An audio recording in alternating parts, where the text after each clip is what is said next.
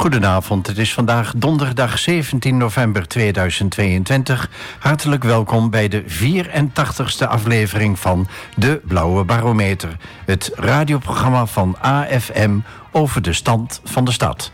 En dat doen we samen met een gast die op de een of andere manier een band heeft met Almelo, de mooie stad aan de A.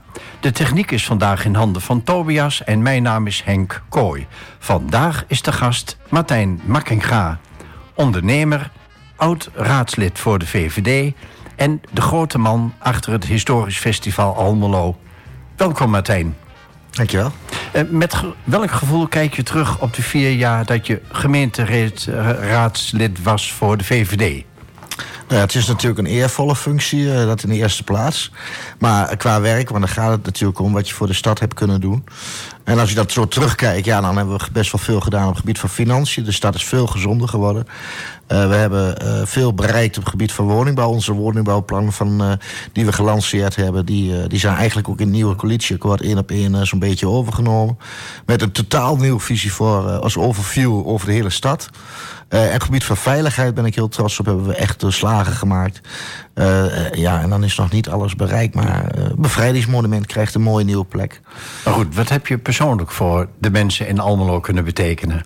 Nou ja, dit, dit zijn vier thema's die, die, waar ik natuurlijk heel erg nadrukkelijk mee bezig ben geweest. en echt één op één, zeg maar, dat echt puur vanuit mij, mijzelf kwam binnen de raad als voorstel.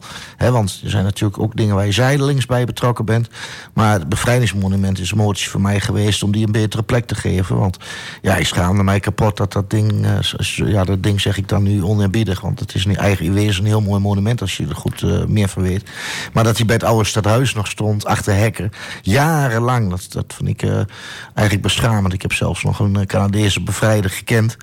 Ja, dan denk ik, ja, die man die, zou, die leeft niet meer, maar die zou hier maar komen. Dan moet je het eigenlijk als stad een beetje kapot schamen. Dus die krijgt nou een mooie plek. En daar ben ik heel dankbaar voor. Dat is ja. echt mooi. Ja. Op welk gebied kun je zeggen, hier heb ik duidelijk mijn steentje bijgedragen? Nou ja, dat, uh, dit is dan het monument dat ik noemde. Maar we hebben uh, op het gebied van woningbouw... Uh, heb ik heel nadrukkelijk mijn mening in de fractie gezegd. En dat is ook vertaald in onderhandelingen uiteindelijk... waar ik niet eens meer bij betrokken ben. Maar wel waar we jarenlang voor hebben gezegd... van joh, maak, maak die stad hè, gezonder. Dus de sociale infrastructuur van de stad Almelo moet gewoon beter. maar ook meer betaalbare koopwoningen. En daar zie je dat er een stukje schreefgroei is ontstaan... En uh, daar hebben we hard op ingezet. En daar heb ik ook hard voor geknokt. En uh, dat is ook met, met simpel hoofdrekenen het voorleggen. Je hebt uh, vier jaar in de gemeenteraad gezeten. Van 2018, meen ik me te kunnen herinneren, tot 2022. Um, je hebt je wel verkiesbaar gesteld voor een nieuwe periode. Klopt, ja. En uh, we hadden bij ons uh, best wel een heel groot aantal luxe positie uh, die in de raad wilden. En ja, uiteindelijk ben ik op plek 8 terechtgekomen. En we hebben vijf zetels behaald. Nou ja, en iemand is dan raads, is wethouder geworden, waardoor nummer 6 uiteindelijk hè, er ook in komt. Maar het komt er eigenlijk op neer dat op dit moment ben ik er aan de raadsvolger. Dat degene die, mocht iemand wegvallen bij de VVD, dat ik dan alsnog instroom. Ja. Houdt het in dat je dan ook de politiek op de voet volgt? Ja, dat wordt nou niet van mij geëist, maar dat eis ik wel van mezelf. Dus ik heb elke raadsvergadering en elke voorbereidende raadsvergadering wel gevolgd. Weliswaar digitaal, maar wel gedaan, ja. Um je hoopte op veel voorkeurstemmen. En het is niet gelukt om via die weg in de raad te komen. Uh, nee, dat klopt. Uh, ik denk dat het ook een beetje komt omdat we. Er waren eigenlijk concurrentie binnen een eigen club. Met, als je veel dezelfde netwerken hebt. Ja, stel uh, dat, dat, je mij een stem gunt. Maar ja, dat gun je ook wel aan iemand anders. die je dan ook persoonlijk misschien kent. Ja, je kunt niet je stem door, door midden knippen. Dus nee. ik denk dat daar wel veel door verloren is gegaan. Weet je hoeveel stemmen je tekort kwam? Ja, ongeveer 100. Ongeveer 100, ja. ja. Goed, je had in ieder geval uh, nog eens uh, bijgetekend, uh, volgens mij. Ja, klopt. klopt. Maar we zien wat de toekomst ja. brengt. En ik blijf toch wel betrokken bij de stad. Wat doe je op dit moment, nu je toch wat minder betrekken, betrokken bent bij de politiek? Nou ja, de politiek ging ongelooflijk veel tijd in zitten. En nu zit ik dus niet meer in de politiek. Ik zei al, ik volg het wel digitaal. Maar nu denk ik van, ja, wat heb ik dan... waar heb ik die tijd toch in vredesnaam voor gehaald? Want ik heb nog een volle agenda.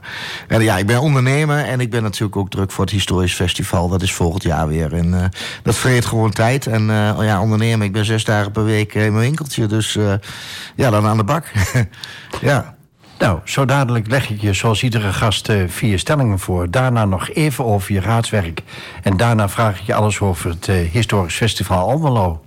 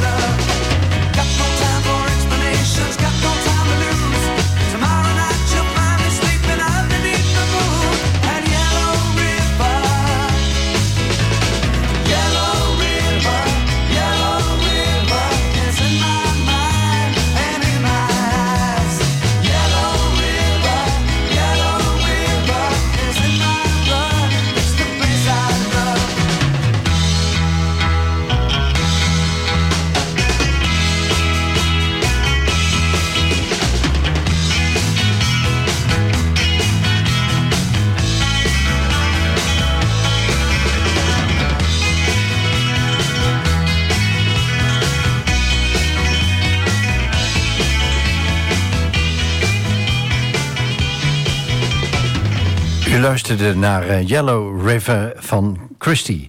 Uh, Martijn uh, Makkinga, de eerste van de vier stellingen. Ik droom er nog wel eens over om wethouder of burgemeester in Almelo te worden. Maar burgemeester, dat zou fantastisch zijn, maar daar ben ik totaal niet voor geschikt. wethouder wellicht wel, maar ligt ook aan de, dossiers. En bovendien, ja, dat is ook wel een heel moeilijk vak hoor. dus onderschat dat niet.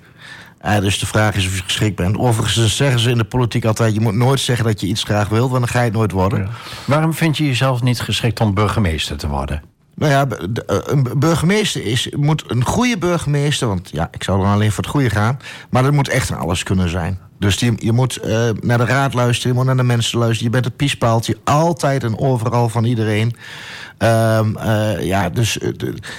Jij doet nooit goed genoeg. Uh, iedereen schopt tegen je. Dan moet je nog een beetje orde bewaken in de raadzaal. Dan moet je iedereen nog het juiste uh, woord geven. Iedereen genoeg aandacht geven. Dan moet je uh, vader, nog vader des vaderlands, maar vader van je Almeloze burgers zijn. alle problemen ook. Hè. We kennen een paar excessen die we hebben gekend. Ik weet gewoon het hart wat de burgemeester, onze burgemeester heeft. Echt groot hart. Ja, dat doet wat met je hoor. En uh, dus diep respect voor die man. We mogen ook heel trots zijn op onze burgemeester. En nee, nee, dus antwoord, ik zou dat niet kunnen. En moet ik dat dus ook nooit niet gaan willen. Stelling 2. Uh, eh, ik heb liever een raadsakkoord op hoofdlijnen dan een vastgetimmerd coalitieakkoord. Nou, vastgetimmerd coalitieakkoord hoeft niet helemaal. Maar het is wel goed om ook aan de voorkant, dus aan het begin, goede afspraken te maken. Zodat er niet later ruis op de lijn komt. Dat is bij mij en mijn klant, hè, is dat net zo. Want elke opening die je laat, geeft natuurlijk wel weer stof tot discussie. Een raadsprogramma, ja, daar gaat iedereen een ei overleggen. En met 15 partijen in Almelo, wat we hebben, dat gaat never nooit niet werken. Dus wil je, wil je slagvaardig aan de gang met je stad, dan moet je echt een coalitieakkoord hebben en geen raadsprogramma. Want dan wordt het eindeloos gemuggenzift over details. En dan komen we tot nergens. Dus dat moeten we echt niet willen. Maar het ene lijkt me democratischer dan het andere. Nee, want de kiezer die heeft één keer per vier jaar de kans om te kiezen. Die kiest waarop hij of zij wil kiezen. Daar moet de politiek het mee doen. Dan wordt er een coalitie gevormd vanuit die meerderheid die er ligt. Die mogelijk is. En die moet natuurlijk dan doen. En dan heeft de kiezer gesproken.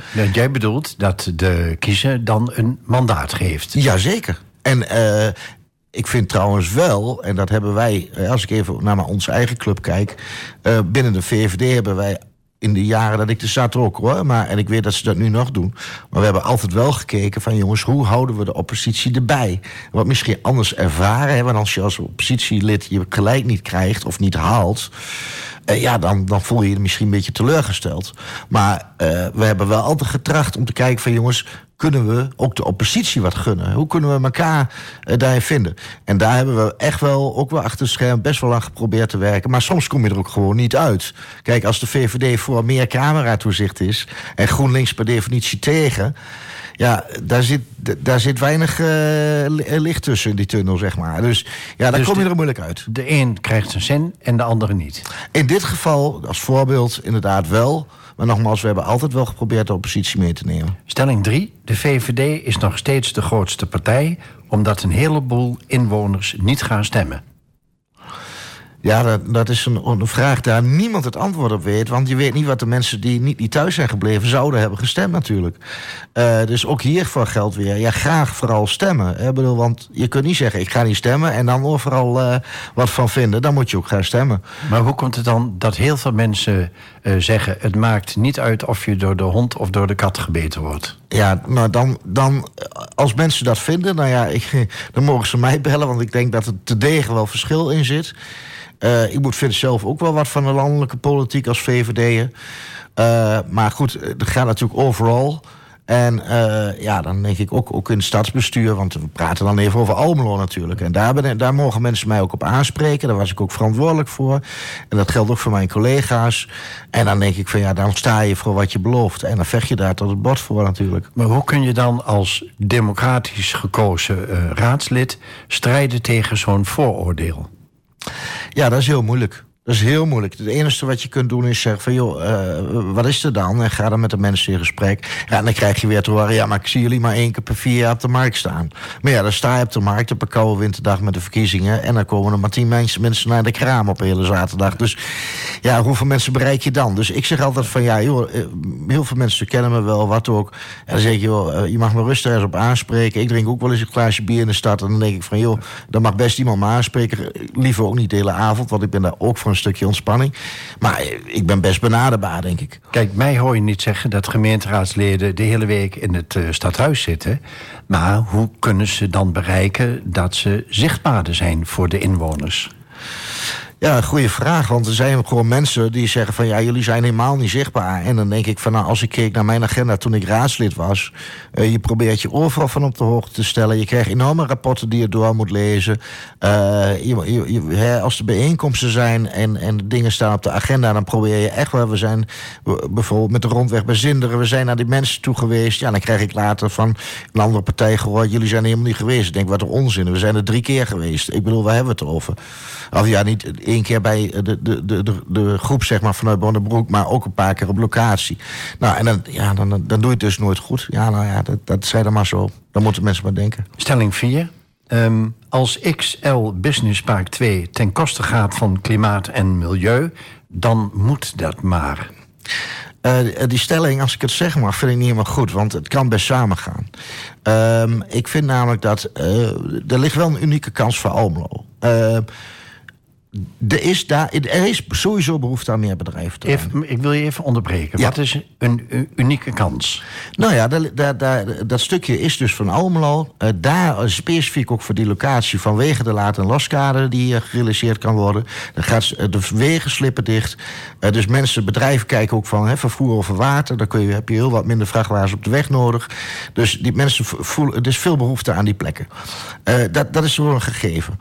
Ja, en dan natuurlijk zit je dan milieu. Maar ja, dan denk ik van ja, we kunnen ook allemaal groene weilanden gaan sparen. En het is vreselijk als je daar altijd boer bent geweest. Maar je kunt ook het een met ander combineren. En als je ziet wat bedrijven tegenwoordig doen met zonnepanelen, zeker met de moderne bouwen van, van industrieterreinen. Wat, wat mensen doen gewoon met aan, aan, aan verduurzamingsmaatregelen op de daken bijvoorbeeld, om even wat te noemen. Dan denk ik dat daar juist heel veel energie op gewekt kan worden. Hans Buitenweg van GroenLinks zal zeggen. Uh, uh, als, als antwoord op, op jouw als een tegenantwoord, zeg maar. Mhm. Ehm, ja, eh, de, de grenzen zijn bereikt. De grenzen aan de groei. Waarom nog meer eh, bedrijventerreinen? Nou ja, ik, ik denk, ik snap hem wel hoor. En ik, ik, kijk, het groen van Almelo, laat ik dat voorop stellen, dat is mij ook heel dierbaar. Dat is mij echt ontzettend dierbaar. En ik, we zijn, let op, hè, we zijn een van de groenste steden uh, van heel Overijssel. We hebben een oostelijke groene long, we hebben een westerse groene long, we hebben Nijreesbos, et cetera, et cetera. En dat blijft ook allemaal behouden. Maar als je dat allemaal wil behouden, en je moet toch kansen geven voor je bedrijven om te groeien. Want die moeten ook goed kunnen groeien. Die moeten zich ook ontwikkelen. Dat is werkgelegenheid voor je bevolking. Maar dat is de keerzijde, hè? En als ik dan mijn collega van GroenLinks aanhoor... dan zeg ik, ah, maar dan gaat maar om een paar banen. Nee, er, er zijn alleen op uh, het XL Business Park 1... dan praat je over duizenden banen. Dus hoe kun je dat zeggen, een paar banen? Het gaat om werkgelegenheid. En zonder werk, ja, dan, dan, je moet je inwoners wel uh, voorzieningen uh, treffen... voor de bedrijven die willen vestigen in Almelo... zodat de werkgelegenheid behouden blijft. En de meest belangrijke groene longen, die moet je... die zou ik zelf ook met hand en tand verdedigen. Maar om nou een aantal aantal boerderijen waar, uh, zeg maar, en het, niet, nogmaals, hè, dat is voor die mensen echt vervelend, maar die krijgen een goede compensatieregeling. En dan denk ik, ja, dan moet je ook ruimte geven voor bedrijven om die zich verder te laten ontwikkelen. Moeten we dan niet ons hele uh, economische bestel herzien? Moeten we niet met z'n allen zeggen. Uh, nou, uh, consumeren en produceren, die tijd is geweest. We moeten naar een hele andere inrichting van onze maatschappij uh, toe. Alleen weten we nog niet hoe. Nou, dat de inrichting van onze maatschappij al veranderd is ten opzichte van 20 jaar geleden, dat is het ding wat zeker is. Want vroeger produceerden we alles dichtbij. De consument zegt moet gekopen, moet gekopen, moet gekopen. Dus inmiddels produceren we alles in China en India. De kleding en noem alles, alles maar op, halen we daar weg. Uh, ja, als je het dan over vervuiling, wereldvervuiling hebt, hè, dat gaat natuurlijk in containers en u kent het allemaal wel. Ja, terwijl het dicht bij huis, uh, waar vroeger maakten we in allemaal onze eigen textiel, dat weet u ook. Moeten, ja. we, moeten we dan niet daarna terug? Nou, ik denk dat je dat voor een deel ook krijgt. En dat er, er zeker consumenten zijn die zeggen... wij zijn bereid om een stukje meer te betalen... om dat Hollandse aanmacht weer terug te krijgen. Maar dan is de vervolgvraag, als ik even naar mijn eigen vak kijk... ja, het mooie Wattennoorten Fineer bijvoorbeeld, het mooie Fineerwerk... de mensen die, die zijn uitgestorven, die zijn er niet meer in Nederland. Die zijn er nog wel in Roemenië en Italië. Maar niet meer in Nederland, die zijn echt uitgestorven. Mensen die mooi kapitoneerwerk kunnen doen bij een bank. Het zijn de Syriërs in de mooiste meubelfabrieken van Nederland... die dat werk nog willen en kunnen doen. Niet de Nederlanders. Goed, we gaan even terug naar de... of even terug, we gaan naar de actualiteit. Want op dit moment speelt uh, de kwestie rond uh, de theaterzaal van het Van de Valk bedrijf in Almelo. Mm -hmm. um, daar heb je ongetwijfeld uh, over gelezen of ja. gehoord. Ja. Um, hoe denk jij over deze hele kwestie? Nou ja, ik, uh, uh, ik moet natuurlijk wel heel erg oppassen wat ik daar gezegd. Kijk, ik vind, ik, laat ik eerder in de eerste plaats zeggen... want ik hoor heel veel mensen zeggen... joh, wij geven zoveel subsidie aan Theaterhotel. In de eerste plaats, de, het Theaterhotel Almelo is het goedkoopste theater van Nederland. Er is geen theater in Nederland wat zo goedkoop is voor haar inwoners als ons theaterhotel. Dus in verhouding krijgen die relatief weinig subsidie. Die subsidie is ook al jarenlang onhold gezet in die zin, dat neemt nooit toe. Dus met de inflatie niet. Dus in wezen krijgen ze elk jaar, zou je kunnen zeggen, minder. De keerzijde is dat ze het ooit hebben aangekocht voor één gulden. Dat was nog in de tijd van de Haag. Dus daar lag natuurlijk ook een kans. Maar goed, er, moet ook maar net iemand in willen investeren. En dat hebben ze, die kans hebben ze gegrepen. En ik denk dat Almelo ook heel trots mag zijn op Theaterhotel. Ik ben er zelf ook heel erg trots op. Maar ik denk ook dat als je dus zomaar roept... ja, Almelo moet meer uh, uh, vrachten met geld naar ons toe doen, want... nee, daar zit ook een verdienmodel vanuit een hotelfunctie... die te danken is aan de theaterfunctie. Ik ben zelf vorige week daar geweest... bij 4 Elvis uh, performers... ja, als, er werd ook gevraagd wie blijft hier slapen. Nou, ik weet niet, verhandigingen de lucht in. Dus dat theater zat die nacht gewoon 100% vol, dankzij theater. Dus er zit een verliesmodel misschien op theater... Maar dat is gekoppeld aan de hotelfunctie. En daar zit het dan weer op dat moment een verdienmodel. Hoe groot is de kans dat de theaterzaal dicht gaat volgens jou? Als u het mij eerlijk vraagt, die gaat niet dicht. Want dat zou het einde betekenen van het bedrijf. Ja. En uh, welke oplossing heb je dan? Nou ja, dan is het natuurlijk. Kijk, ik denk dat je als gemeentebestuur ook best trots mag zijn op zo'n theater. Uh, om gelijk met geld te komen is denk ik niet de oplossing. Maar je mag best kijken van jongens, uh, uh, laat stel daar dan prestatieafspraken bijvoorbeeld tegenover. Jij bent vol vertrouwen in ieder geval. Ja hoor, ik, ik denk ook wel dat we daar uitkomen. We moeten ook niet de bol op de spits drijven, over en weer niet. Goed. Wat vond je moeilijk of lastig aan je raadswerk? Uh, het eeuwige gesoebaard om, om niks. dat vond ik heel lastig. Want dan ken ik het bedrijfsleven niet. Als ik een klant heb en ik maak een afspraak die vertelkosten uh, zeggen 1200 euro. Nou, wanneer kom je leveren? Ja, morgen vroeg 9 uur. Oké, okay, nou, dan, dan, dan, kan het 5 over 9, 5 voor 9 worden. Maar, maar, maar dan is dat de afspraak. En in de politiek is zo, ja, dan kan het morgen nog weer veranderen. En dan kan het tussen, tussen nu en morgen ook nog veranderen. En dan gaat iedereen een ei erover leggen. En dan gaan we er ook nog eens een keer een halve dag over verraderen. Ja, dat is, als je in het zakenleven zit, is dat natuurlijk, ja, voor mij is dat een compleet nieuwe wedstrijd geweest. Uh, en dat maakt het ook erg vermoeiend. Uh, maar je maakt ook wel duidelijk zichtbaar, en dat, dat geeft dan wel weer energie, dat je zegt van nou daar heb ik voor geknokt en daar ben ik dan wel heel trots op. He, dus nou, we hadden een paar, een paar dingen genoemd, nou, camera toezicht ook. Bedoel, maar even iets. En dan staat de politie komt dan.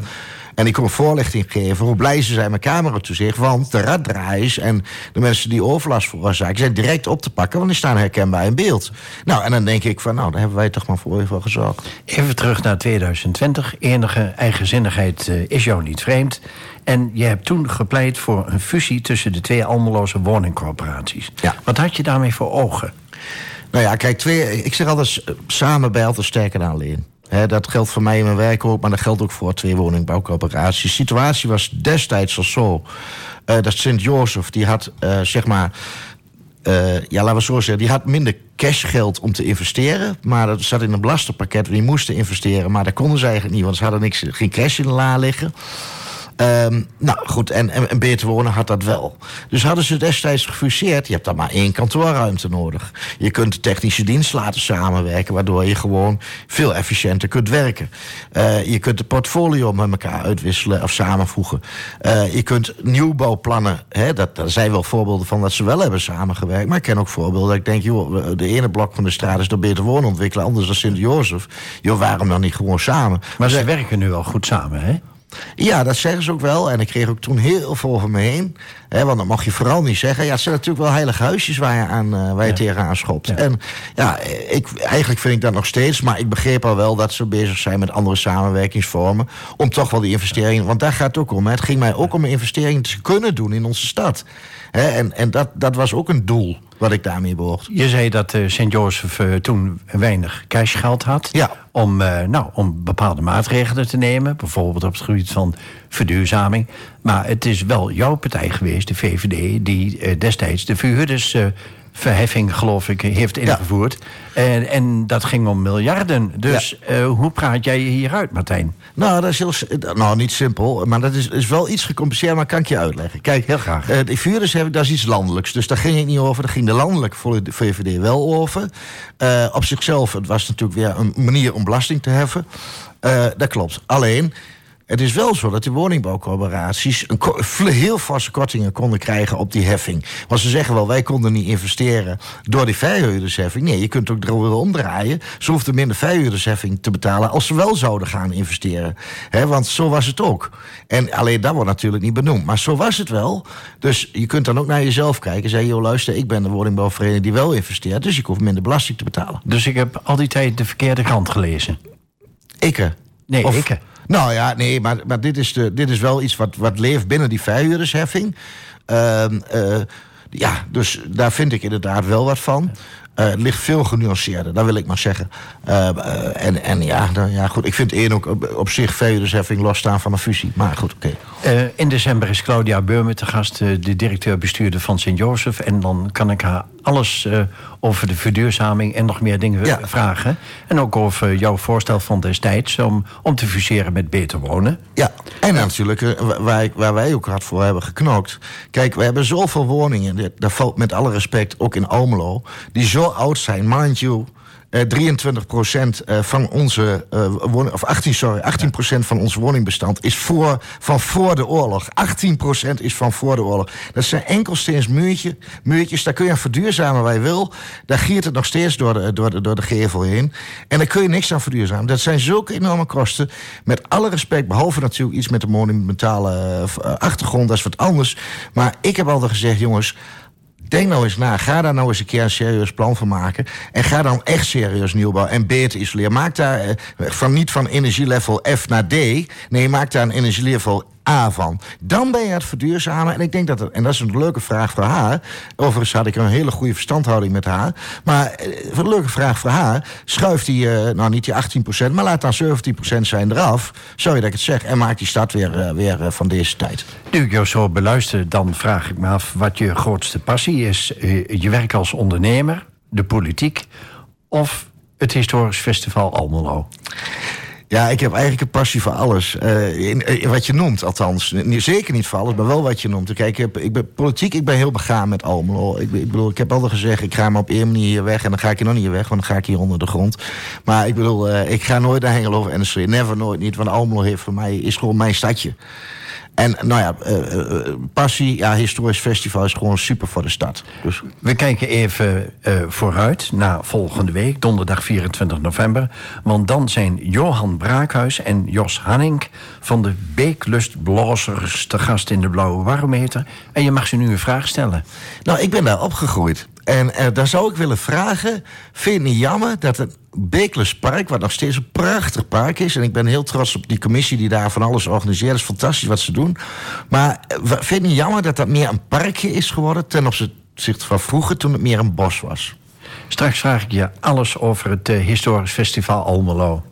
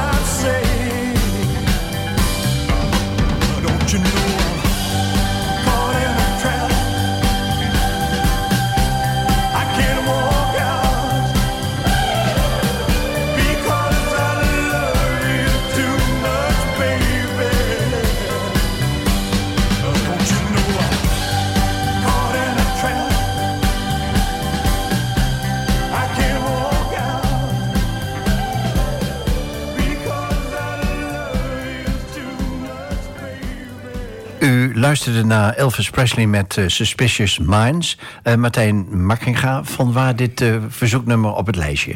Nou, dit is... ja, ik ben vanaf kind al. Ik ben geweldig Elvis-fan. Elvis is natuurlijk ja, fantastisch voor mij. Dat is die, die man die kan alles. Dus geen artiest die kon wat hij kan. Uh, van gospel tot love uh, whatever. Maar dit nummer is natuurlijk suspicious minds. Hè? Als, als er geen vertrouwen is tussen mensen. Het gaat niet alleen om relaties. Dit liedje gaat over een relatie. Maar het gaat ook over de band tussen twee mensen onderling. Hè? Wat voor relatie je ook hebt. Als er geen vertrouwen is, is er niks. Dus dit liedje vind ik voor mij wel heel wat diepgaand. Van we, kunnen, we can't go on together with suspicious minds. We kunnen niet samen doorgaan als er geen vertrouwen is. En dus ik vind het echt uh, een, hartje, een liedje uit, uit, uit, uit, uit de ziel. Ik vind het fantastisch. Ja. Vind je vertrouwen belangrijk? Ja, zonder vertrouwen is denk ik uh, ja, eigenlijk niks. Ja. En de, de meeste mensen deugen, kun je dat ook zeggen? Nee, heel veel mensen deugen niet. Dus er wordt vertrouwen beschaamd. Okay. En daarom is, dat vind je ook wel weer terug in dit liedje. Hè? Dus uh, je wordt wel natuurlijk in je leven... en ik moet ook naar mezelf kijken. Ik heb ook wel eens uh, mijn fouten in mijn leven gemaakt. En ook wel eens mensen teleurgesteld. Okay. Dus uh, ja. Um, het Historisch Festival Almelo. Wat is dat precies, Martijn? Ja, het Historisch Festival Almelo... Uh, uh, ja, dat is een uniek internationaal uh, festijn... wat wordt plaatsvindt in het Schelvospark. En wat doen we daar? Wij gaan daar met allemaal reenactors... deelnemers uit heel Europa... of sterk eigenlijk uit de hele wereld... die komen naar Almelo voor een weekendje om een veldslag na te spelen. Maar niet alleen een veldslag, het hele soldatenleven na te spelen, kampementen op te bouwen. Uh, en daar komen allerlei dingen nog bij, maar de hit is toch wel de veldslag anno 1815, zoals die ook bij Waterloo plaatsgevonden heeft. En we spelen dan de veldslag bij Ruigenrode na. De oude benaming voor het Schelvorst, maar die veldslag heeft alleen niet plaatsgevonden ooit. Wat willen jullie als organisatie, hè? want je doet het niet alleen...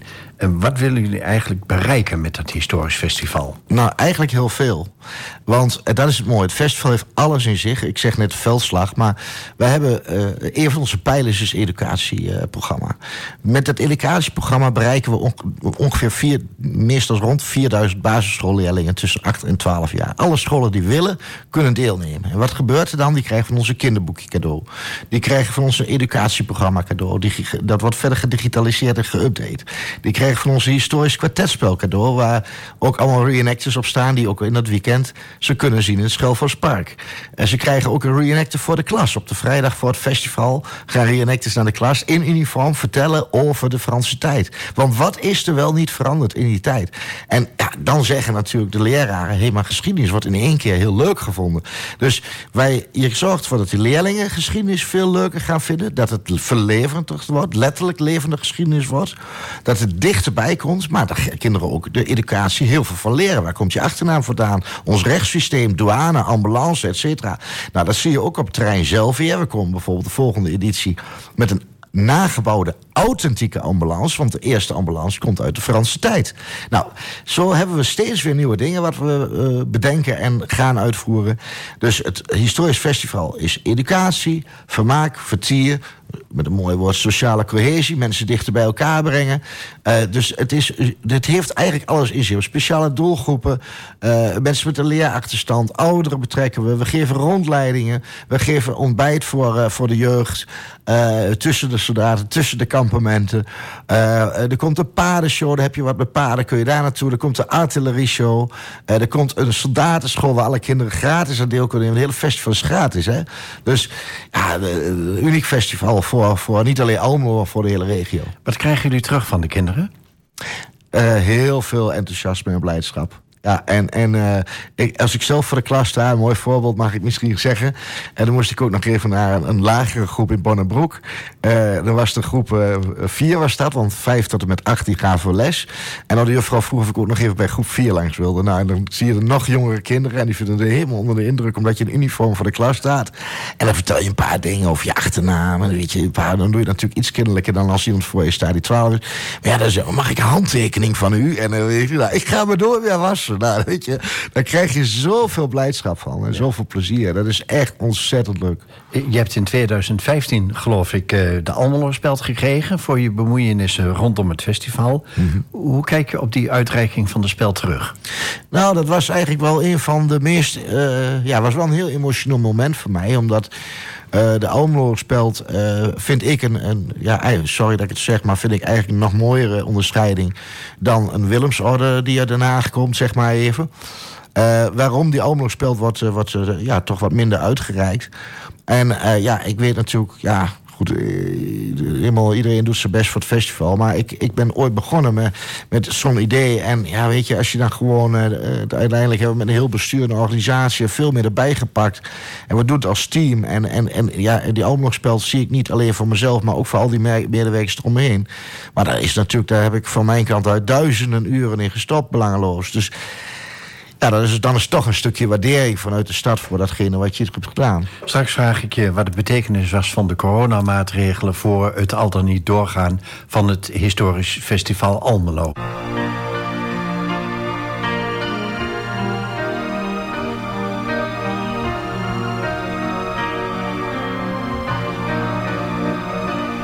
Ze lag te slapen. Vroeg haar gisterenavond wacht op mij. Misschien ben ik vanavond vroeger vrij. Ze knikte wel van ja, maar zij kent mij.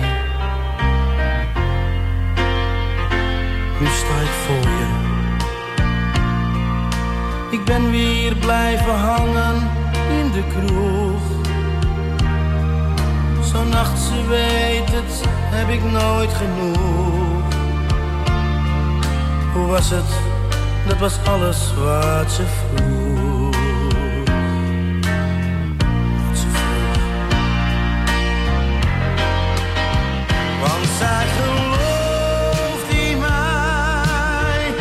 Zij ziet toekomst in ons allen.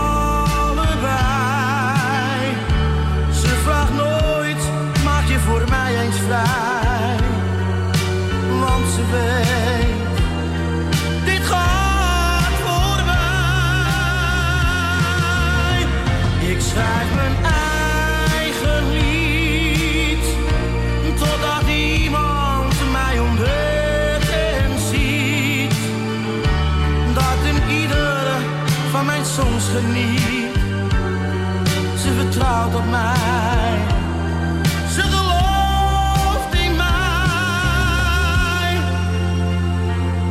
zal wachten. Tot de tijd dat ieder mij herkent. Ach, en je trots kan zijn op je eigen vent. Op straat zullen ze zeggen, u bent bekend. Zolang we dromen van het geluk dat ergens op ons wacht. Dan vergeet je snel weer deze nacht. Jij vertrouwt op mij, dat is mijn kracht. Mijn kracht. Want zij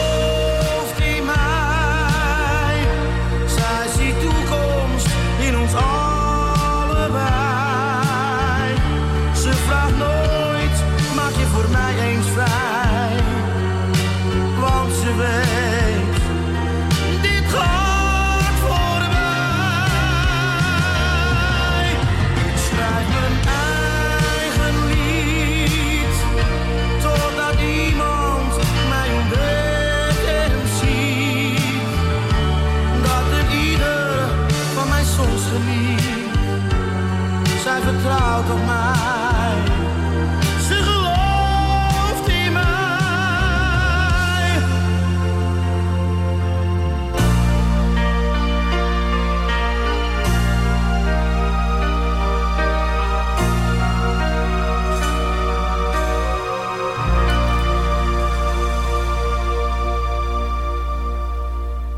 Zij gelooft in mij van André Hazes. Martijn uh, Makkinga. Ook een mooi nummer. Dit nummer stond ook op jouw lijstje. Ja, ja, echt een liefdesnummer. Uh, weet je, dat je...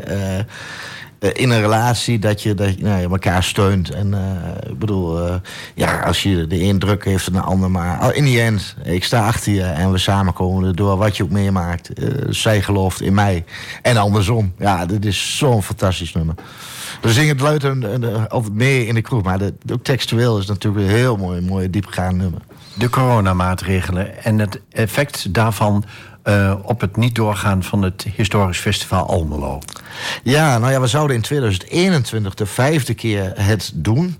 Maar uh, ik moet zeggen, ja, wij moesten dat uh, 2021, dus wij moesten dat een half jaar van tevoren of een jaar van tevoren eigen moeder het al beslissen van waar gaat het naartoe. Toen zaten we midden in de corona, dus de forget it gewoon. Het was makkelijk, was een dikke streep er doorheen naar einde verhaal. En dan wel de discussie natuurlijk van waar gaat het überhaupt naartoe? Kregen we alweer ooit weer de oude samenleving. Toen hebben we gezegd, doen we eerst een jaar later, 2022. We hebben daar ook vanuit de provincie en dergelijke wel wat subsidie voor opgehaald. Alleen, toen moesten wij in december, januari, moet je echt uiterlijk beslissen of het in mei doorgaat. Nou is het trouwens volgend jaar in april. Maar goed, oké, dan moet je zeg maar vijf, zes maanden... moet je een definitieve go of no-go afgeven. En toen hadden we nog die anderhalve meter samenleving. Nou, en als je dan 5000 mensen minimaal... we hebben het weekend uh, toen een keer 20.000 mensen door het deel weekend gehad. Maar als er alleen bij de veldslag al 5000 man komt kijken... ja, dan kun je die anderhalve meter niet in acht nemen. Ja, dat kan wel, maar dan staan er geen, geen, geen 5000 mensen... maar maximaal 1000. En dan kun je niet iedereen bedienen. Dus we hebben gezegd, nou, dat is, een, dat is geen optie. En toen hadden we ook nog het probleem natuurlijk ja, heel veel bedrijven die verdienen geen geld. Dus die hoef je ook niet aan te kloppen voor een stukje sponsoring. want ik zei altijd, wat is een gratis festival? Maar gratis, ja, voor de, voor de inwoners van Almelo, daar doen we het voor. Maar we hebben wel gelden nodig om dat mogelijk te maken natuurlijk. Dus ja, sponsor, sponsoring was natuurlijk eh, een no-go. Dat, dat, dat, die hoefde je niet te bellen.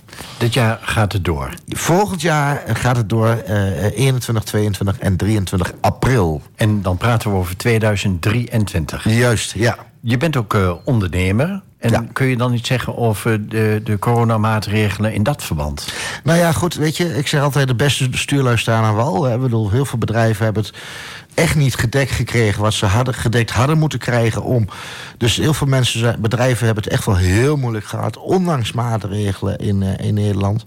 Maar ik sprak bijvoorbeeld ook weer een taxichauffeur in Verona. Die zegt: Ja, ik heb anderhalf jaar geen klant gehad. En ik kreeg in anderhalf jaar tijd 800 euro steun. Ik zeg: Maar hoe heb je je dan kunnen voor? Ja, van mijn familie, zegt hij. Dus het kan nog erger. Hè? Dus zo is het natuurlijk ook altijd. Maar ik moet zeggen, uh, ik, ik stond ook achter de maatregelen in die zin, of het waren wel begrijpelijk. Soms ook niet, hè, want wij hadden bij ons boven bij op de Meubelboulevard 3200 vierkante meter. Dat was de nieuwe maatregel. Mochten we maar twee mensen tegelijk ontvangen op 3200 vierkante meter. Ja, dat kun je mij ook niet meer uitleggen. Ik hoor dat van veel winkeliers. Ja. We hadden de vierkante meters, maar we mochten niet meer dan één klant ontvangen. Ja, nou dat, dat, dat ook, eh, dat soort dingen. Heeft de overheid eh, leergeld betaald, eh, betaald wat dat betreft? Nou ja, ja ik kreeg, achteraf gezien kun je er van alles van vinden. En ik denk dat natuurlijk met de beste bedoelingen dat ze hun best hebben gedaan. Uh, om toch mensen te steunen. En uh, ja, om toch mensen een stukje verder doorheen te helpen. Maar ja, niemand is er blijer van geworden. Ook mentaal niet. Hè. Het heeft ook met ouderen heel veel gedaan. Mensen die zich alleen voelden. Dat is eigenlijk misschien wel het meest verschrikkelijke. Mijn moeder zei ook altijd, ik zie niemand meer. Ik zei, ja, maar ik ook niet. dus, maar goed, en de laatste lockdown, ja, daar was ik het pertinent niet mee eens. En waarom niet? Omdat het toen al duidelijk was dat Omicron uh, een veel lichtere variant was. Uh, hè, want wat ik zei, voor die, voor, die sluitingen daarvoor, daar had ik op zich nog wel begrip voor. Maar die laatste sluiting, ja, daar had ik geen begrip voor, want dat was een lichtere variant. Heeft Nederland het goed gedaan op het gebied van de coronasteun aan ondernemers bijvoorbeeld? Nou, ik denk generaal gezien toch wel. Ik bedoel, mensen hebben relatief, hè, dan mag ik nog wel blij zijn dat je wiegje in Nederland heeft gestaan. Alleen ja, de, de heel veel mensen zijn ingeteerd op hun vermogen. Ik spreek ondernemers nou ja, voor een paar weken geleden nog iemand gesproken. Die zei, ja Martijn, ik heb die vrouw zijn leven keihard gewerkt. Die is nu 58. En die had, die had nou zo'n beetje rustiger aan willen doen. en, en de zaken nog wel doorzetten. Maar dan zo nu en dan naar de zaken. Zeg maar, nou moet ik... He, mensen kon niet ontslaan, want dan ben ik vakmensen kwijt. En nu moet ik door tot mijn 67ste. Als ik geluk heb, zei hij nog erachteraan. Dus die is, hij zegt, heel mijn eigen vermogen, alles wat ik gespaard had, ben ik gewoon kwijt. En dan heeft hij in de zaak moeten stoppen om de zaak overeind te kunnen houden. Dus dat zijn wel heel trieste verhalen hoor. Um, hoe komen jullie aan zoveel vrijwilligers bij het uh, Historisch Festival?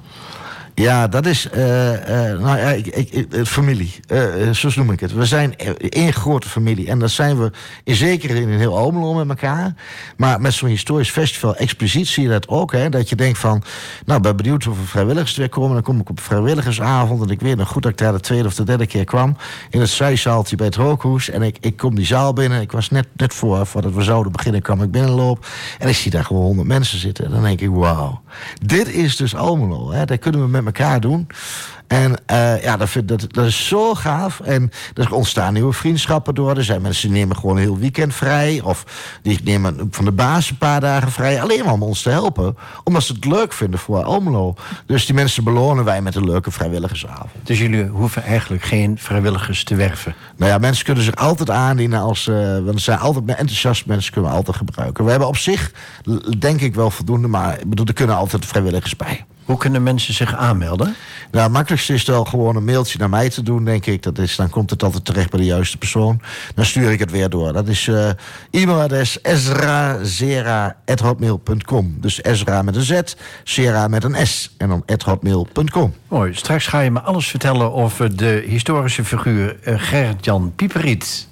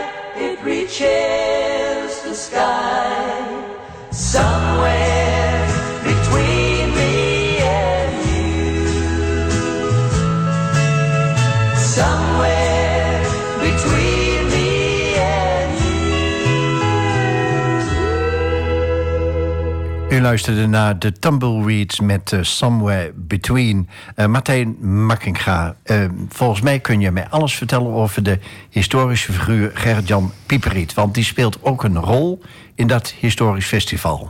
Ja, zeker. we hebben dat eerder al gedaan in de binnenstad. Gerrit-Jan Pieperiet is de laatste die te dood veroordeeld is ooit in Almelo. Uh, overigens voor een misdaad wat hij niet in Almelo gedaan heeft. Maar die is wel hier uh, te doorvoordeeld van oudsher gaat Almelo of een grote regio de rechtspraak. En in 1818 is hij te dood veroordeeld. En uh, dat spelen wij na uh, op het Historisch Festival. Het leuke daarvan is, leuke aanhalingstekens in dit verband natuurlijk... maar we proberen het wel serieus te doen. Maar uh, het leuke is dat er stukken van toen nog er zijn... Ehm, waar, waar, waar- de, beraadslagingen, et cetera, van de rechtbank. Dat is allemaal achterhaald. En dat doen we in samenwerking ook met medewerkers van de rechtbank. Dus eh, ja, we gaan opnieuw weer de pieperiet, eh, pieperiet opnieuw weer ophangen. Ik denk dat hij nu voor de zesde keer wordt opgehangen ondertussen. Nou, ik, eh, ik heb de historische festivals een aantal keren eh, mogen meemaken. Eh, ik zag dat jij de personage van Gerrit Jan Pieperiet... met meer dan normale oorvergaven speelde. Ja, dus was op een gegeven moment een discussie van... ja, wie moet het dan spelen? Nou ja, dan werd er gelijk iedereen weer eens naar mij. Dus ik zei, nou ja, dan moeten we dat maar doen. We hebben één voor twaalf nog iemand, een Fransman erbij gehaald... die mij ketende. En eh, nou ja, eigenlijk ook zo authentiek mogelijk nagespeeld, ja. ja. Wat vind je zo boeiend aan deze historische figuur? Nou ja, het, het verhaal daarachter, wat ik zeg, dat alles bewaard is gebleven, natuurlijk wel interessant. Eh, dat, hij, hè, dat hij mensen beroofd heeft, mensen overvallen heeft, mensen vermoord heeft. Eh, de- hè, de- dus eh, ja, dat, dat, dat, dat, is, dat is wel gewoon heel boeiend natuurlijk hoe dat is gegaan. En ook wel dat, ja, dat hij ontkende. En nou ja, toen op een gegeven moment moest hij natuurlijk wel, wel toegeven. Ja. Je hebt het eerder gehad over de Napoleontische tijd. Die is ontzettend belangrijk gebleken en geweest. Ja. Ja, nou ja, ik heb eh, toevallig vorige week een lezing gegeven bij de Historische Kring.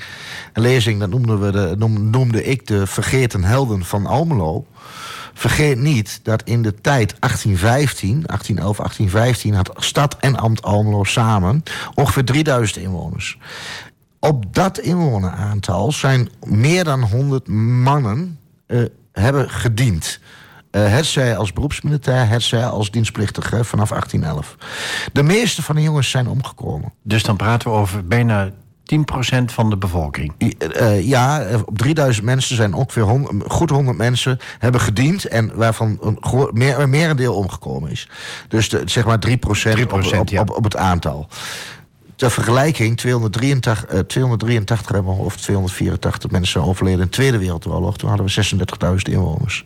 Dus eh, de- even verhoudingen. Dus het is een vergeten groep mannen die hebben gediend. Die ook nog eens een keer heel bijzondere dingen hebben meegemaakt. Die hebben in vreemde dienst, zeker zin. Hè, die hebben voor het Koninkrijk Holland gevochten. En later voor het Keizerrijk Frankrijk, 1810, 1813. En later nog eens een keer ook voor een deel tijdens Waterloo. Nou, dat had ik allemaal achterhaald, archieven ingedoken... wat er met die jongens voor zover bekend eh, terecht is gekomen. En dat zijn heel bijzondere verhalen. Want al die levens zijn beschreven, min of meer. Er zijn eh, regimentsboeken. Daar kun je uit, eh, uit, de, dingen uit putten natuurlijk. Er staat bijvoorbeeld bij dat een paar mensen gedisserteerd zijn. Maar goed, er staan ook bij van... Nou, die is gewoon niet teruggekomen of die is omgekomen. En er zijn een aantal regimentsboeken minder goed bijgehouden... na de Russische veldtocht natuurlijk. Want toen waren ze met heel andere dingen bezig dan administratie bijhouden. Eh, en de marinearchieven zijn helaas voor een heel groot deel verloren gegaan... tijdens de Tweede Wereldoorlog. Kun je, kun je een algemeen beeld eh, halen eh, uit die regimentsboeken over de Almeloze soldaat, zeg maar? Ja, nou, de meesten moesten dienen, eh, die dienden in de 123, 4, 124, 125, 126 en 127 regiment. En het gros van de jongens ging mee met de veldtocht naar Rusland. Ze hebben trouwens voor die tijd ook hebben de jongens ook al gediend 3000 man in Spanje. Hebben jongens gediend bij het eh, beleg van Stralsund. Er zijn een paar duizend mannen omgekomen. Niet alleen uit Almelo, maar uit heel Holland. En, eh, maar de meeste van die jongens zijn omgekomen tijdens de veldslag in Rusland. De, tocht naar Rusland, naar Moskou. En eh, daar zijn ook Hollandse jongens, Almeloze jongens geweest. Die hebben het Franse leger helpen terugtrekken over de Beretsina op de terugweg bijvoorbeeld. Waarbij met name het 123 124 regiment zich onderscheiden heeft. En eh, waardoor het leger zich kon terugtrekken. Maar er zijn ook Almeloze jongens bij omgekomen. Mind you, bij de verdediging van de restanten van de Grande Armee van Napoleon... om die over de Beretsina te kunnen laten terugtrekken. En de meeste jongens, ook uit Almelo, zijn omgekomen. Zijn van het 123 124 regiment. Die regimenten zijn gewoon in 1813 opgeheven... omdat er bijna niemand meer was. Wat waren de motieven van die jongens destijds uit Almelo om in de leger te gaan? Dienstplicht. De dienstplicht is ingevoerd, in eh, 1810. En eh, die jongens moesten. Alhoewel je toen wel een sociale dienstplicht had. Die was eigenlijk sociale dan later de dienstplicht onder koning Willem I. Nou, volgens mij kun je hier nog wel een extra uitzending over Ja, zeker. eh, vertellen. Dat is geen enkel probleem. Ik wil toch nog even naar de stikstofdiscussie, eh, de uitspraak van de Raad van State. Eh, welke gevolgen heeft de uitspraak van de Raad van State voor het Historisch Festival Almelo volgend jaar? Nou, daar gaan we natuurlijk ook naar kijken. Daar kan ik nu op dit moment nog niks over zeggen. Maar daar gaan we wel nog serieus naar kijken. In welke richting zit je zelf te denken? Geen richting, want ik weet niet wat uh, op dat punt op, op ons afkomt. Nee, ik kan me voorstellen dat op het gebied van het afschieten van munitie en dergelijke, dat daar enige restricties uh, voor komen. Uh, ja, maar dan, ja, nou, laat ik niet op dingen vooruitlopen. Ik weet het niet. Ja, we hebben bijvoorbeeld, we hadden eerst ook te maken met bijvoorbeeld, hè, omdat we het in april, mei doen, hè, de verstoring van de natuur, dat soort dingen. Nou, we hebben een, iemand die er helemaal daarin zit, en de faunabeheer, iemand van faunabeheer, daarin die doet, die handelt dat netjes af en die gaat alles inspecteren en noem maar op. Daar wordt in de treuren dingen uit, uitgezocht om maar geen nadelige effecten te creëren. Wat mijzelf eh, de afgelopen jaren is opgevallen... dat er ontzettend kleine kinderen aanwezig zijn in buggies of kinderwagens. En die zie je letterlijk schrikken van het eh, geluid van de knallen. Ja. Eh, wat vind je daar persoonlijk van? Ja, ehm, kijk, het is natuurlijk de keuze voor iedereen... of je hele kleine kinderen zelf mee wil nemen... Um, ja, dat, dat, dat, ga, ja, klinkt gek, maar daar ga ik niet over. Wij als organisatie, hè, we, hebben, we, we hebben oordopjes die we gewoon uh, nog bijna weggeven. Uh, dus uh, ja, dat, dat is, en dat, die oordopjes die helpen perfect. Dus ook voor hele kleintjes zou je op die manier ja, een beetje kunnen beschermen. En dan hoor je de knallen nog wel, maar heel veel minder hard natuurlijk. Dus op die manier vangen we dat wel op hoor. Dus laten we dat voorop stellen. Maar er zijn ook mensen die nemen een hond mee. Dan denk ik, ja, waarom neem je. Je kunt hond, uh, een hond meenemen 360, 358 dagen per jaar. Maar waarom nou net in dit weekend? Ja, dan zeggen hondenbezitters. Nou, ik heb wel eens iemand aangesproken. Ja, maar dat kan ik hier altijd. Ja, maar hallo, we hebben nu een veldslag. Ja, als die hond gekke dingen gaat doen, zijn wij wel verantwoordelijk. Ja. Martijn, we zijn eh, bijna aan het einde gekomen van deze uitzending van de Blauwe Barometer.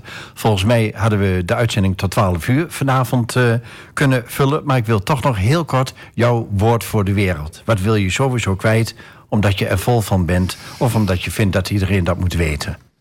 Nou, als het algemeen is, dan zeg ik altijd... laat een beetje lief zijn van elkaar. Okay. Martijn, hartelijk bedankt voor je komst en voor je bijdrage.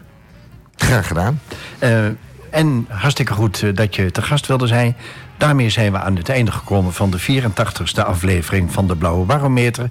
Het programma op AFM over de stand van de stad. Aankomende zondag om 12 uur middags wordt het programma herhaald. En op de pagina van de Blauwe Barometer op AFM staat een link naar het podcastarchief. En op Spotify is deze uitzending te beluisteren door bij de zoekfunctie in te tikken AFM Carousel. Tobias, bedankt voor de techniek. Een fijne avond en tot donderdag 24 november. Te gast zijn dan Johan Braakhuis en Jos Hanning van de Beeklust Blazers. Meteen hierna om 9 uur het programma Soultime en om 10 uur de draaideur met non-stop muziek. Tot donderdag 24 november. Tot dan.